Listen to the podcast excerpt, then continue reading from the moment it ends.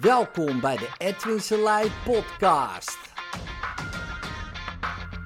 Voor inspiratie, stimulatie en motivatie om je dag goed door te komen.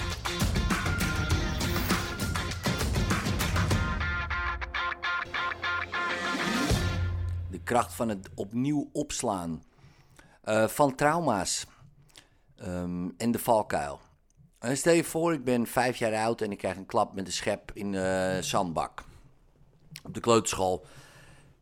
Mijn meest traumatische ervaring tot dan toe.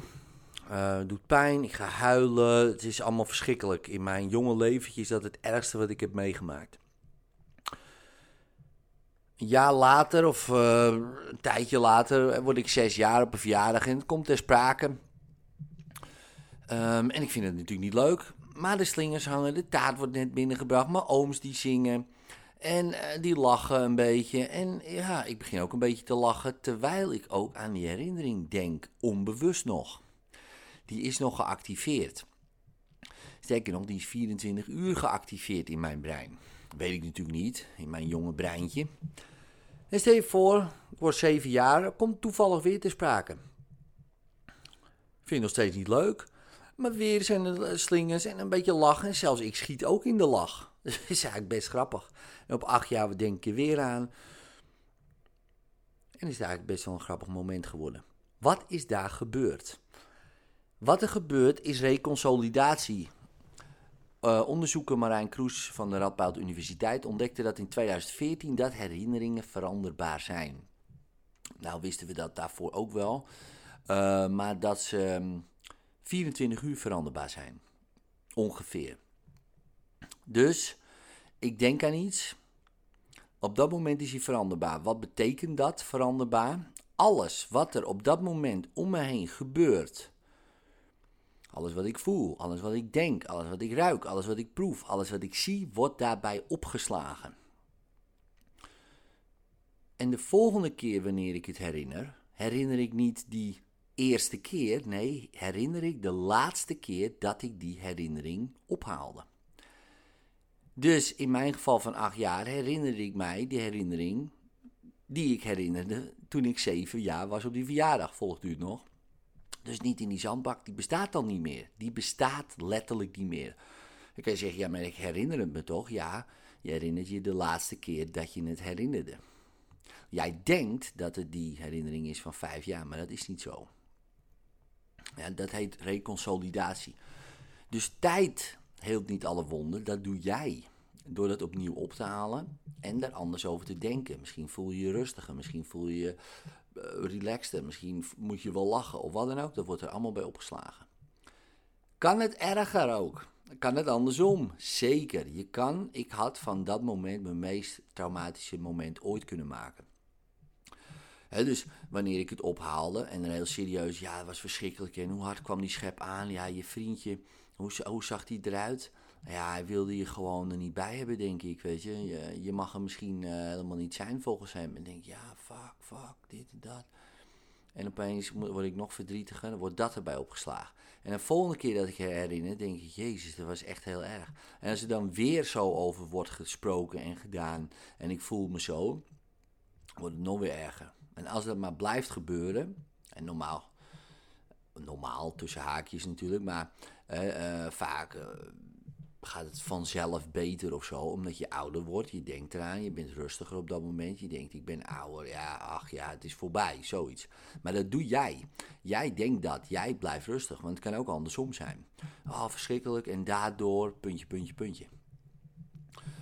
Ik heb wel eens van iemand gehoord, ja, het ging wel oké bij me, tot ik bij een psycholoog kwam. En na 15 sessies was ik een wrak.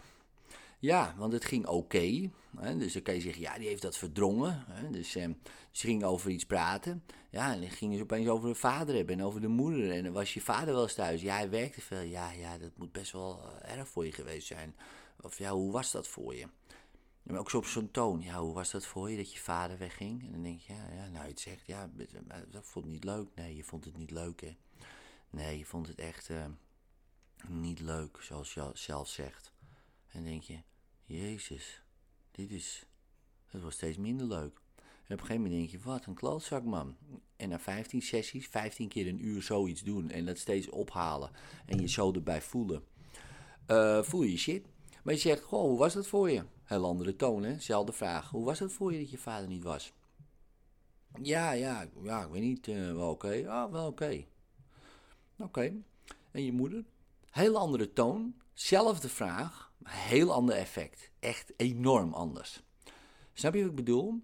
Dat is de kracht van um, reconsolidatie in actie, zou je kunnen zeggen. Daarom vind ik het zo belangrijk dat mensen niet zo serieus doen. Daarom vind ik het zo belangrijk dat we natuurlijk um, verdriet is prima, boosheid is prima, weet je, uh, angst is ook prima. Hè? Dus ik bedoel bang zijn of uh, van iets of onzeker zijn. Het is allemaal prima. Um, alleen, ja, wil je dat blijven doen? Dat is de vraag. Ja, wil je verdrietig blijven voelen? Tuurlijk, als er iets gebeurt, een acuut iets, en je lichaam die wil dat releasen, en die doet dat door huilen of door schreeuwen, lekker laten gaan.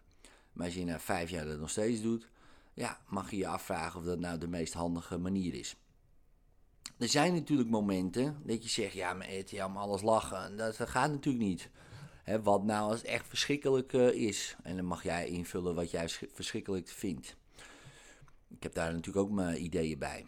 Nou, dan is mijn, als iemand het over iets heel verschrikkelijks hebt, uh, ga ik daar natuurlijk geen grapje van maken. Of, uh, oh, oh, en, hoe was dat?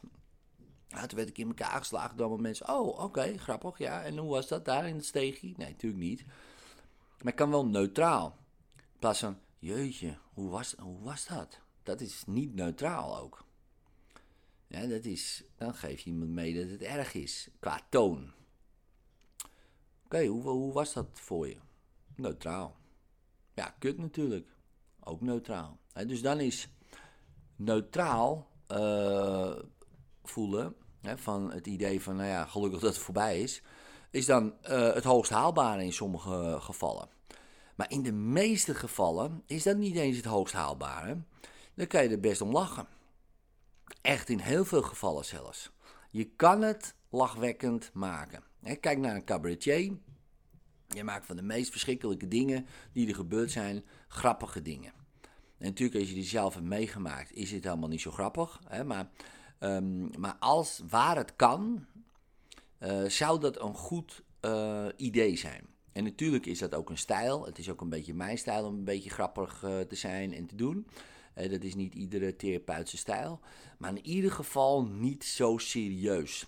Fuck die serieuze shit. Want daarmee wordt het letterlijk slechter. Letterlijk ook, hè. En zo blijven mensen in therapie. Dan je mensen, ja, ik ben al twee jaar in therapie. Ik heb geen, ben geen moer opgeschoten. Nee, denk, nee, vind je gek. Vind je gek? Je zit alleen maar een beetje te huggen, te huilen, te aaien. Oh, het is allemaal zo erg. Ja, en dan wordt het steeds bevestigd en die herinnering wordt weer opgeslagen. En de volgende keer herinner je het weer. Denk je, ja, zie je wel, het is nog steeds erg. Nee, Jezus Christus, man. Hup, schop onder je noten en gaan, bij wijze van spreken. Bij sommige mensen, hè, niet bij iedereen natuurlijk. Of in ieder geval, gast, uh, ik weet niet wat je aan het doen bent. Uh, wil je dit nog vijf jaar doen? Of gaan we gewoon leven of zo? Weet je, je hebt één leven. Je denkt misschien, dit is een generale repetitie of zo. Hè, dat het gordijn zo direct open gaat en dan beginnen we. Uh, misschien is het ook zo, als je dood bent, dat het gordijn open gaat en dan beginnen we. Maar dat weten we allemaal niet zeker. Dus tot die tijd, lekker gewoon uh, je leven gaan leiden. Wat dacht jij ervan? Met EI in plaats van lange ei. Ja? Ideetje? Ja, zo zit ik erin. Ja, om die mensen te helpen, zelfredzaam te maken. En als ze me een klootzak vinden, nou prima, dan vinden ze maar een klootzak. Wat kan mij schelen? Niks. Als ze maar hun leven gaan leiden. Ik heb nog liever dat een cliënt zegt, nou, ik voel me echt, ik voel me prima hoor. Maar ik heb zo'n bloedhekel aan die gast. Jongen, jongen, jongen, nou, ik ga wel leven. Ja? Ja, ik ga wel leven. Nou, mooi, prima. Het is me nog nooit overkomen. Maar dat zou ik nog liever hebben, weet je wel, dat iemand uh, dat doet dan dat hij denkt, oh, ik heb zo'n fijne therapeut. Ik, oh, gelukkig zie ik hem volgende week weer, weet je wel. En gaan we weer samen huilen met z'n tweeën. Want ik heb er zoveel aan. Ja, echt. Nee, je hebt er geen flikker aan, lieverd. Helemaal niks. Want Het bevestigt alleen maar en het slaat alleen maar eh, meer op dat het erg is, terwijl het waarschijnlijk wel meevalt. En als het niet meevalt, dan is het in ieder geval voorbij. Ja, dus, uh, en wees daar blij dan om. Dat het echt voorbij is. Of wil je het nog eens een keer 1500 keer herhalen in je hoofd? Lijkt mij niet helemaal de bedoeling met sommige dingen. Goed. Ik ga weer lekker een opleiding geven. Dit was mijn rant. Later.